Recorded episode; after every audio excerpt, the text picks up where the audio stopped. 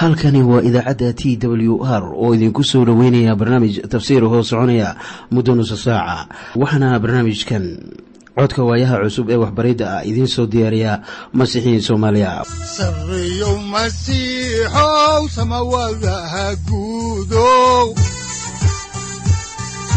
Siraadkii adduunkow subanaha eebow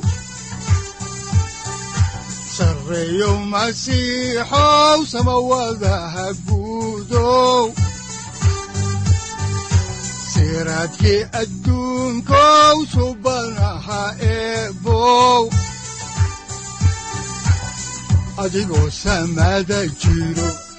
soo saldhiganba adigoo jiro ifkan soo saldhiganba kutubtiisanaye wuxunogu saaciiday sharxin sifahaaga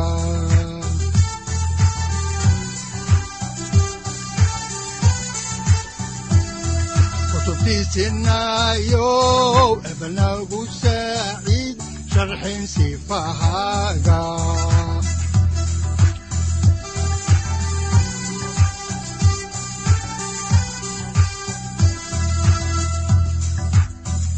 satirow ilaahow adanku su'aalne ku soo dhowaada dhegaystayaal barnaamijkeenna dhammaantiinba. Waxaan horay u sii ambaqaadi doonnaa daraasaadkii la magac baxay baibalka dhammaantii. Waxaannu caawa idiinsii wadi doonnaa barashada kitaabka falimaha rasuullada. Dhegaystayaashayada qaayaha lahow kitaabka falimaha rasuullada waa kitaab taariikhi ah oo ay tahay in qof waliba wax uu ka barto si uu ku garto taariikhda kitaabka axdiga cusub ee baibalka. Waxaanan caawa idiin bilaabi doonnaa cutubka shan iyo tobanaad ee kitaabka falimaha rasuullada.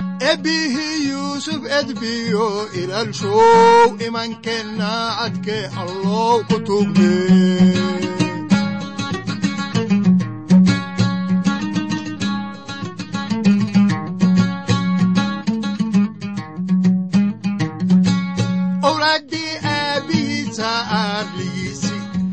ka eryo uun kalay ka iibsadeene imankeennaadke allow ku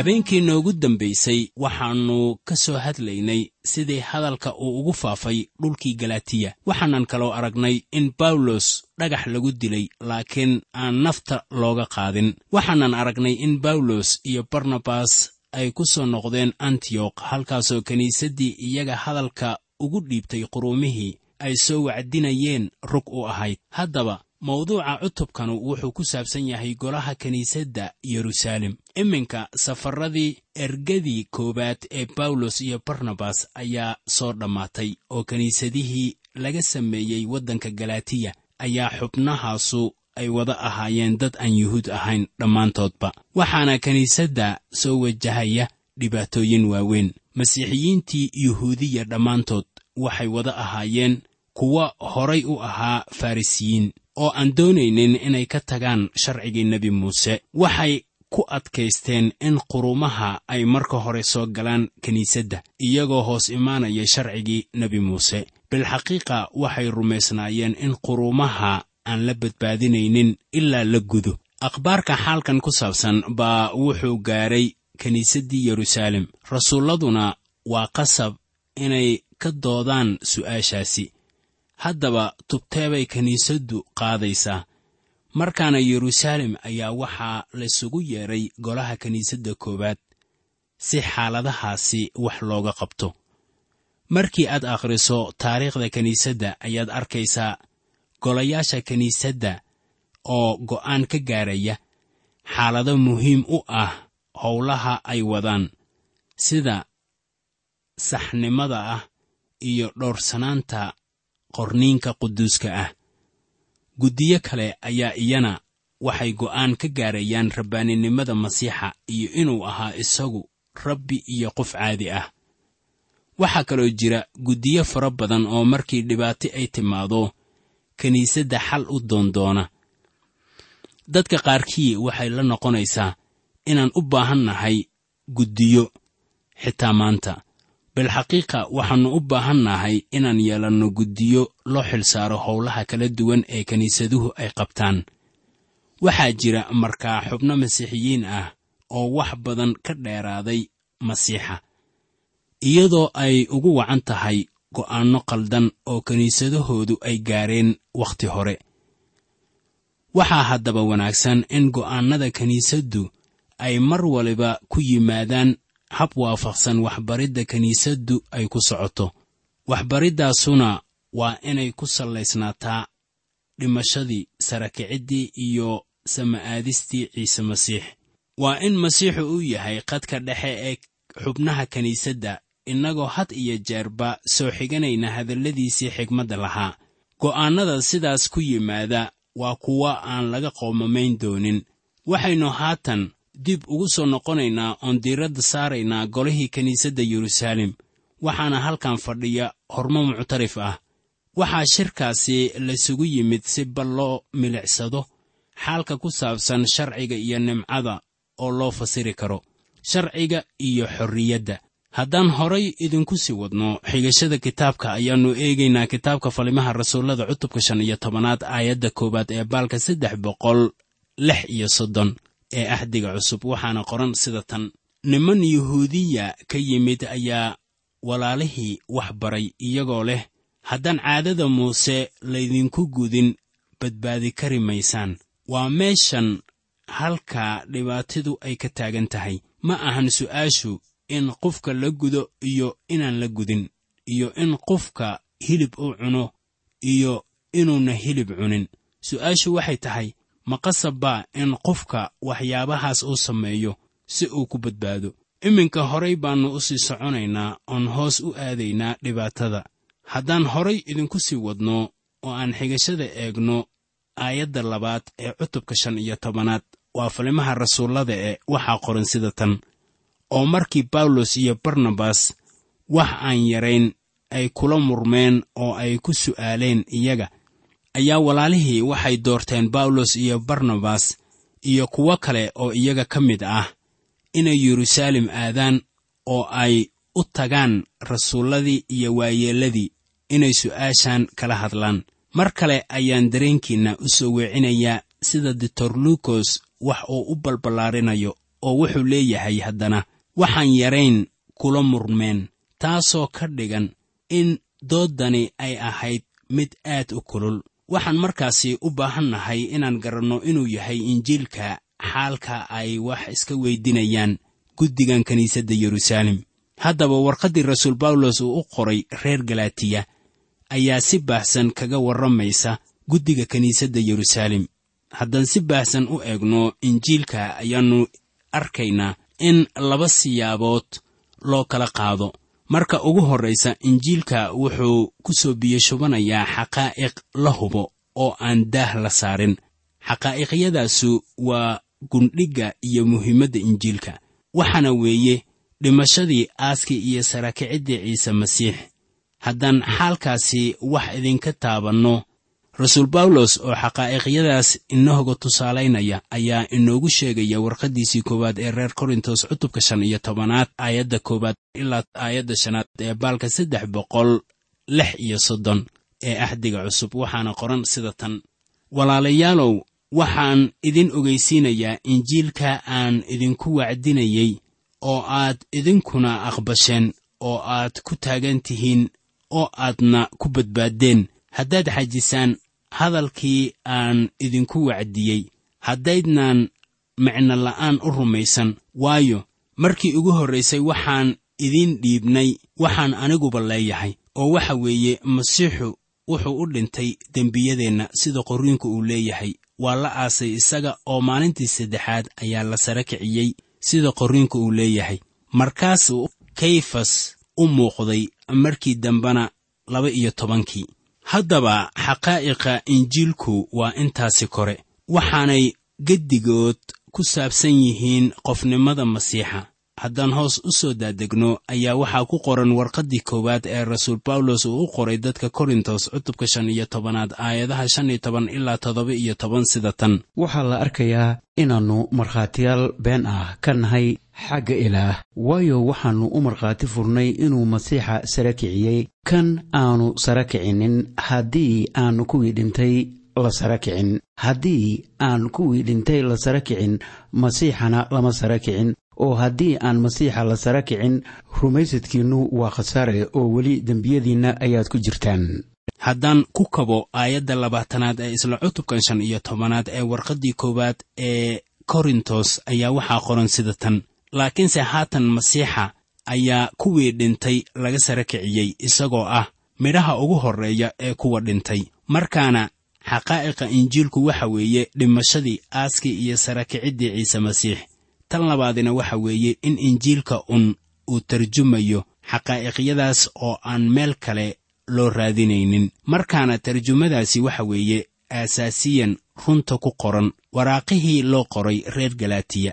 Waxaana dhibka keenay waxa weeye in reer galaatiya oo aan ahayn quruun ku socota sharciga nebi muuse oo haddana loo aqbalay inay ka mid noqdaan kiniisadda kiniisaddii yeruusaalemna xaalkaasi ayay gorfaynaysaa iminka. Haddaba injiilku xaalkaasi wuu ka hadlay sida aynu ka ogaanayno warqaddii bawlos uu u qoray dadka galaatiya cutubka saddexaad aayadda laba iyo labaatanaad oo lahayd laakiin qorniinku wax waliba dembiguu ku hoos xidhay in ballanka rumaysadka ee ciise masiix la siiyo kuwa rumaystay. Markaa su'aashii hore haddaan ku noqonno sidee buu qofku ku badbaadayaa qofku wuxuu ku badbaadayaa oo qura rumaysad. Si bal aynu xaalkaasi idiin xaqiijinno ayaa waxaa muhiim ah inaan eegno warqaddii rasuul bawlos uu u qoray dadka reer galaatiya. Cutubka labaad aayadaha shan iyo toban ilaa lix iyo toban ee baalka saddex boqol kow iyo soddon ee axdiga cusub. Waxaa qoran sida tan innagoo jinsigeennu yuhuud yahay oo aan ahayn dembiilayaal aan yuhuud ahayn ayaynu weliba garanaynaa inaan nin xaq ku noqon shuqullada sharciga. Rumaysadka oo ciise ku rumaystay mooyaane xataa innagu waan rumaysannahay ciise masiix inaynu xaq ku noqonno. Rumaysadka masiixa ee ayan ahayn shuqullada sharciga maxaa yeelay shuqullada sharciga ninna xaq kuma noqon doono. Haddaba tan loo baahan yahay waxa weeye inaan fasiraaddaasi garanno. Haddaba raggii rumaysnaa diinta yuhuudda ee xilligaasi noolaa way ka duwanaayeen kuwo furfuran ee kiniisadda maanta jooga. Nimanka furfuran waxay diidan yihiin xaqaa'iqa ah sarakicidda ciise masiix dhimashadii laga sarakiciyey. Haddaba bawlos wuxuu leeyahay boqolaal qof ayaa arkay ciisihii sara kacay saaxib dad badan baa maalintaasi la heli karay oo markhaati ka ahaa sarakicidda masiixa. Rasuullada ayaa markhaatiyaal u ahaa in ciise uu sara kacay markaana xaqiiqada injiilka ee ah dhimashadii aaskii iyo sarakiciddii ciise masiix wax su'aal ah kama taagnayn xilligaasi. Waxaase khilaafku uu ka imaanayaa sida loo fasirayo xaqaa'iqaasi kore. Muxuu masiixu kugu dul sameeyey iskutallaabta korkeeda. Miyaa shaqada ciise masiix ay ku filan tahay inay ku badbaadiso? Miyaad u baahan tahay inaad xeerar soo dhex marto amase shay kale si lagu badbaadiyo? Mise waa inaad sharciga dhex marto su'aalahaasi ayaa hor yaalla golaha kiniisadda yeruusaalem iminkana aynu dib ugu noqonno xigashada kitaabka falimaha rasuullada oo aannu la nimaadno bawlos iyo barnabas magaalada yeruusaalem innagoo halkii ka sii wadaynaa xigashada kitaabka ayaannu iminkana eegaynaa kitaabka axdiga cusub cutubka shan iyo tobanaad aayadaha saddex ilaa afar waxaana qoran sida tan. Sidaas daraaddeed iyagoo kiniisaddu ay soo sagootisay waxay sii dhex mareen foynike iyo samariya iyagoo ka warramaya sidii dadkii aan yuhuudda ahayn ay u soo jeesteen waxayna aad uga farxiyeen walaalihii oo dhan. Oo markay yeruusaalem yimaadeen ayaa kiniisaddii iyo rasuulladii iyo waayeelladiiba ay soo dhoweeyeen. Markaasay waxay uga warrameen waxyaalihii ilaah iyaga la sameeyey oo dhan. Bawlos iyo barnabas waxay bixiyeen faallo dheer oo ay siiyeen kiniisadda yeruusaalem isla sidii ay ka sameeyeen antiyokh waxay ku yidhaahdeen waxaannu dadka ku wacdinnaa injiilka oo raggii iyo hablihii reer galatiya waxay ku kalsoonaadeen ciise masiix. Haddaba garan maayaan waxyaalaha ku saabsan sharciyadii nebi muuse. Ciise masiix un bay ku kalsoonaadeen waana badbaadeen. Haddaan horay idinku sii wadno xigashada ayaannu eegaynaa falimaha rasuullada cutubka shan iyo tobanaad aayadda shanaad waxaana qoran sida tan. Laakiin waxaa kacay kuwa dariiqaddii farrisiinta ahaa oo rumaysnaa kuwaasoo leh waa in la gudo iyaga oo lagu amro inay sharciga nebi muuse xajiyaan. Waxay markaasi doonayaan qolyahanu inay wax cusub ku daraan injiilka. Haddaba markii aad wax cusub ku darto injiilka ayaanad lahaanaynin injiil laakiin diin iyo xeerar baad yeelanaysaa sida keliya ee aad ugu soo dhowaanayso masiixa waxa weeye inaad leedahay rumaysad. Waa inaannu ugu nimaadno masiixa rumaysad. Xusuuso in sayid ciise masiix uu yidhi anigu waxaan ahay jidka runta iyo nolosha. Ninna aabbaha uma yimaado xaggaygu ku yimaado maahee waxay ku qoran tahay yooxanaa cutubka afar iyo tobanaad aayadda lixaad. Waxyaabahaas oo dhan ayaa lagaga hadlay guddigan hortiisa. Waxaana halkaasi ka jiray xiisad. Haddaan horay idinku sii wadno xigashada kitaabka oo aan eegno aayadda lixaad ee isla cutubkan waxaa qoran sida tan haddaba rasuulladii iyo waayeelladii baa ururay inay xaajadan ka tashadaan. Haddaba iminka aynu eegno xaalka ku saabsan go'aankii kiniisadda yeruusaalem ay ka gaartay xaaladahaas. Rasuullada iyo waayeellada way isku wada yimaadeen markaasay ka doodeen xaajadan ku saabsan sharciga iyo nimcada. Taas oo ay ka doodayaan ayaa keentay khilaaf laysku mari waayey oo kulul.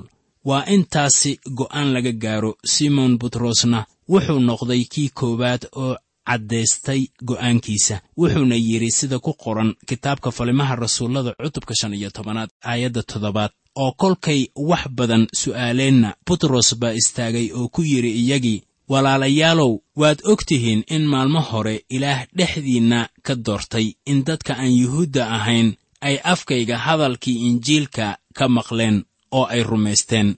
U malayn maayo haddaba in markaa un ay tahay wakhtigii butros uu hadlay. Waxa hubaal ah inuu marar badan xaalkan kala hadlay laakiin iminka xaaladdii ayuu u dulmarayaa hase yeeshee waxa kan wax cusub kuma ahan rasuul butros oo horuu ugu sheegay kiniisadda markii korneliyos la soo hanuuninayey waxaad xusuusataa in butros qudhiisa ay ka naxisay xaaladdaasi ku saabsan badbaadada quruumaha waxaa lagu yidhi waxaad tagtaa guriga korneliyos oo ahaa nin aan yuhuud ahayn oo farriinta injiilka la qaybso. Mase ahaan inuu wax ka baro sharciga. Dadkaasu ma ayan gudnayn oo kuma socon jirin sharcigii nebi muuse. Waxay cuni jireen doofaarka. Iminkana waa la badbaadinayaa. Taasi la yaab weyn bay ku noqotay. Haddaba guddiga kiniisaddu waa dhegaystay simon butros. Maxaa wacay? Isaga qudhiisuba wuxuu u fekeri jiray sida yuhuudda oo wuxuu rumaysnaa in sharciga oo keliya lagu badbaadi karo.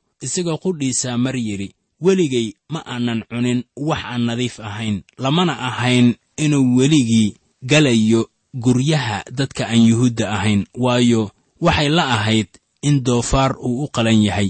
Haddaba badbaadadu kuma xirna dadaalkaaga ah inaad dhoorto sabtida amase maalinta axadda amase maalin kaleeto. Badbaadada waxaa lagu helaa nimcada.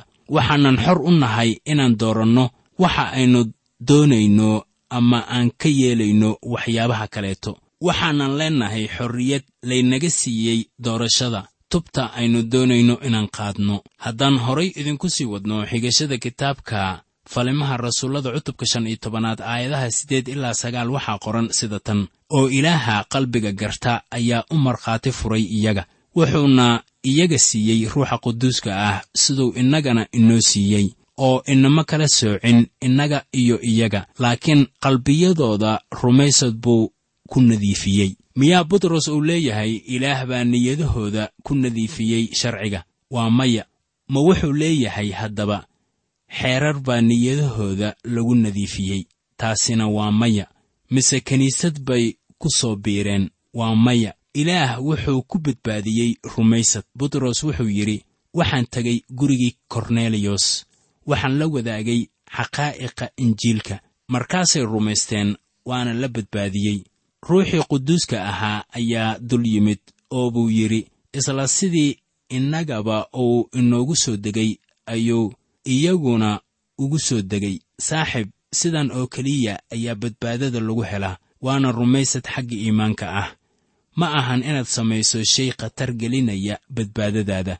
Ciise masiix baa taasi kuu sameeyey laba kun oo sannadood ka hor waxa haddaba ilaah uu ku weyddiisanayo inaad samayso waxa weeye inaad aqbasho wiilkiisa adiga kuu dhintay.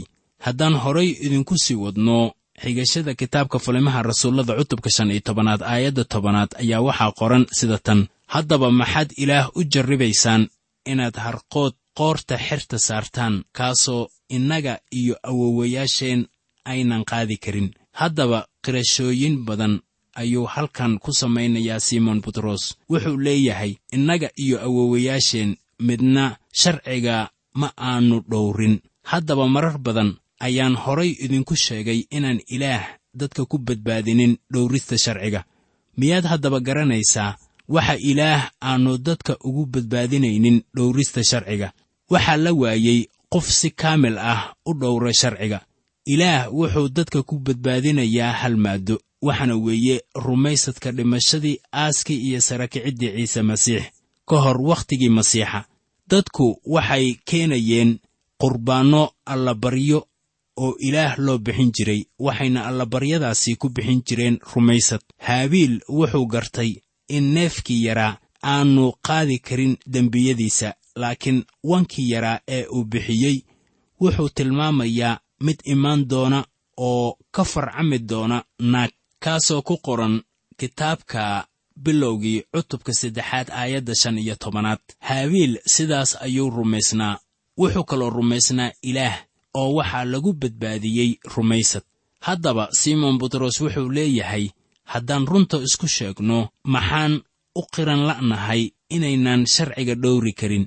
Soo arki maysid inaanay jirin munaafiqnimo ka weyn in layska dhigo sida mid quduus ah oo haddana aan sharciga la dhowri karaynin. Haddaan haddaba si toos ah idinla hadlo maxaad u qiran la'dihiin dhegaystayaal inaad dembiilayaal tihiin oo aad ugu kalsoonaan weydeen masiixu inuu yahay badbaadiyihiinna. Masiixu wuu idin qaabilayaa.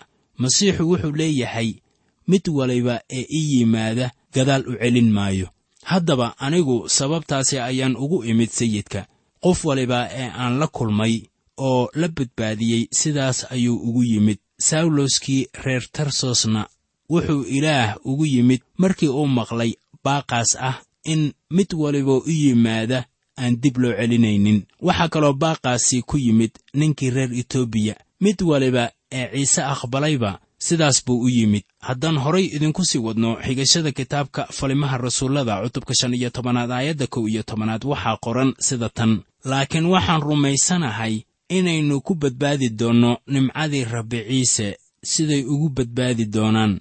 Haddaba simon butros si wanaagsan buu u hadlay yuhuudda waa in loo badbaadiyaa sida quruumaha loo badbaadinayo. Waxaan hubaa in simon butros aannu weli cunin doofaar ilaa iyo haatan. Wuxuuna leeyahay layguma badbaadinin inaan doofaar cunin awgeed. Waxaase laygu badbaadiyey masiixa aan ku kalsoonaaday awgii waxaa lagu badbaadiyey nimcada ilaah.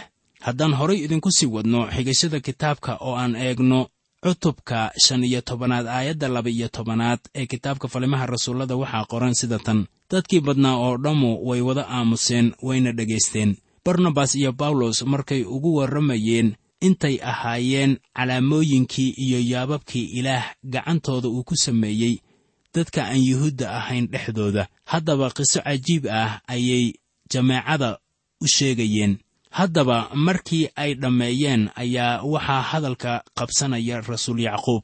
Laakiin ma ahan yacquubkii la dhashay yooxanaa waayo kaas waa la dilay oo wuxuu noqday shahiid. Haddaba su'aal baa ka taagan kan yacquubkani uu ahaa. Yacquubkan wuxuu noqday hoggaamiyaha kiniisaddii yeruusaalem. Waxaa horay inoogu sheegay inuu madaxda ka mid ahaa rasuul butros sida aynu ku soo aragnay cutubkii laba iyo tobanaad ee kitaabka falimaha rasuullada. Haddaba yacquubkanu wuxuu ahaan karaa yacquub ina alfayos oo ka mid ahaa laba iyo tobankii rasuul.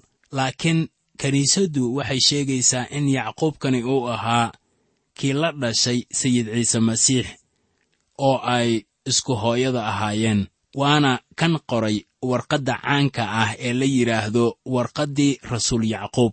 Waxaan idiin sheegayaa habka ugu wanaagsan ee loo darso kitaabkan falimaha rasuullada waxaad had iyo goorba la barbardhigtaa waraaqaha rasuullada ay kiniisadaha u qorayeen. Waxaan horay idinku sheegnay in warqaddii rasuul bawlos uu u qoray dadka galatiya ay ahmiyad waxbarasho yeelanayso. Markaad la barbardhigto cutubyada saddex iyo toban iyo afar iyo toban ee falimaha rasuullada. Markaan joogno cutubkan shan iyo tobanaadna waxaa habboon inaan eegno warqaddii rasuul yacquub. Haddaba yacquub wuxuu soo koobayaa fikradda guddigan kiniisadda yeruusaalem.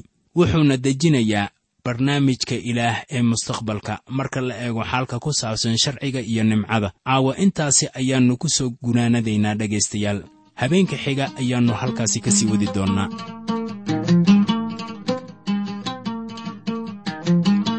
ilahii eliyaas ereygiisi maqlo arligow ku noolaa ka ambaabixiyo afadaan adduunka allow naga iilo abshirtaada eebow idinkaynagu abshirtaada eebow idilkaynagu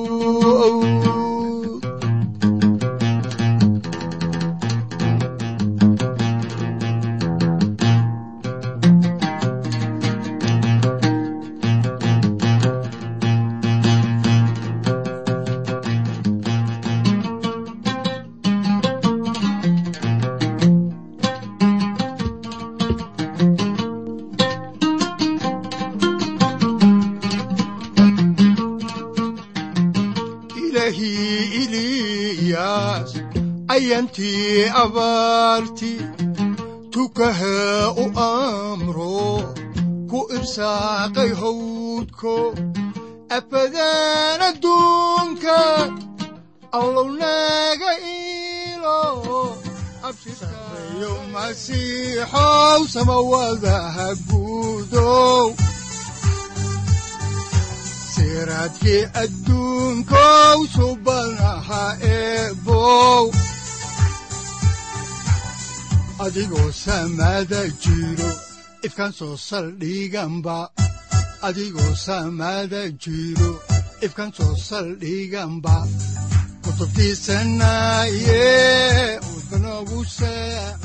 halkani waa t w r idaacadda t w r oo idinku leh ilaa ha idin barakeeyo oo ha idinku anfaco wixii aad caawi ka maqasheen barnaamijka. Waxaa barnaamijkan oo kalea aad ka maqli doontaan habeen dambe hadahan oo kale haddiise aad doonaysaan in aad fikirkiina ka dhiibataan wixii aad caawi maqasheen ayaad nagala soo xiriiri kartaan som t w r at t w r c o k e haddii aad doonaysaan in aad dejiisataan oo kaydsataan barnaamijka ama aad mar kale dhegaysataan fadlan mar kale booqo www t w r o r g. Amase www t t b t w r o r g. Amase waxaad teleefoonkaaga ku kaydsataa ama ku download garaysataa agabyada ku sahli karaa dhegeysiga t w r haddii aad doonayso in laga kaalmeeyo dhinacyada fahamka kitaabka amase aad u baahan tahay duco fadlan fariimahaaga soo mari bogga aaraahda ama kommentska inana jawaab degdeg ah ayaanu ku soo diri doonaa amase ku siin doonaaye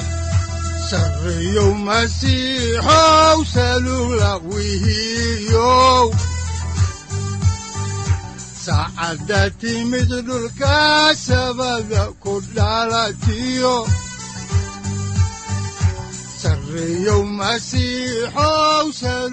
halkani waa t w r oo idiin rajaynaya habeen baraare iyo barwaaqaba leh.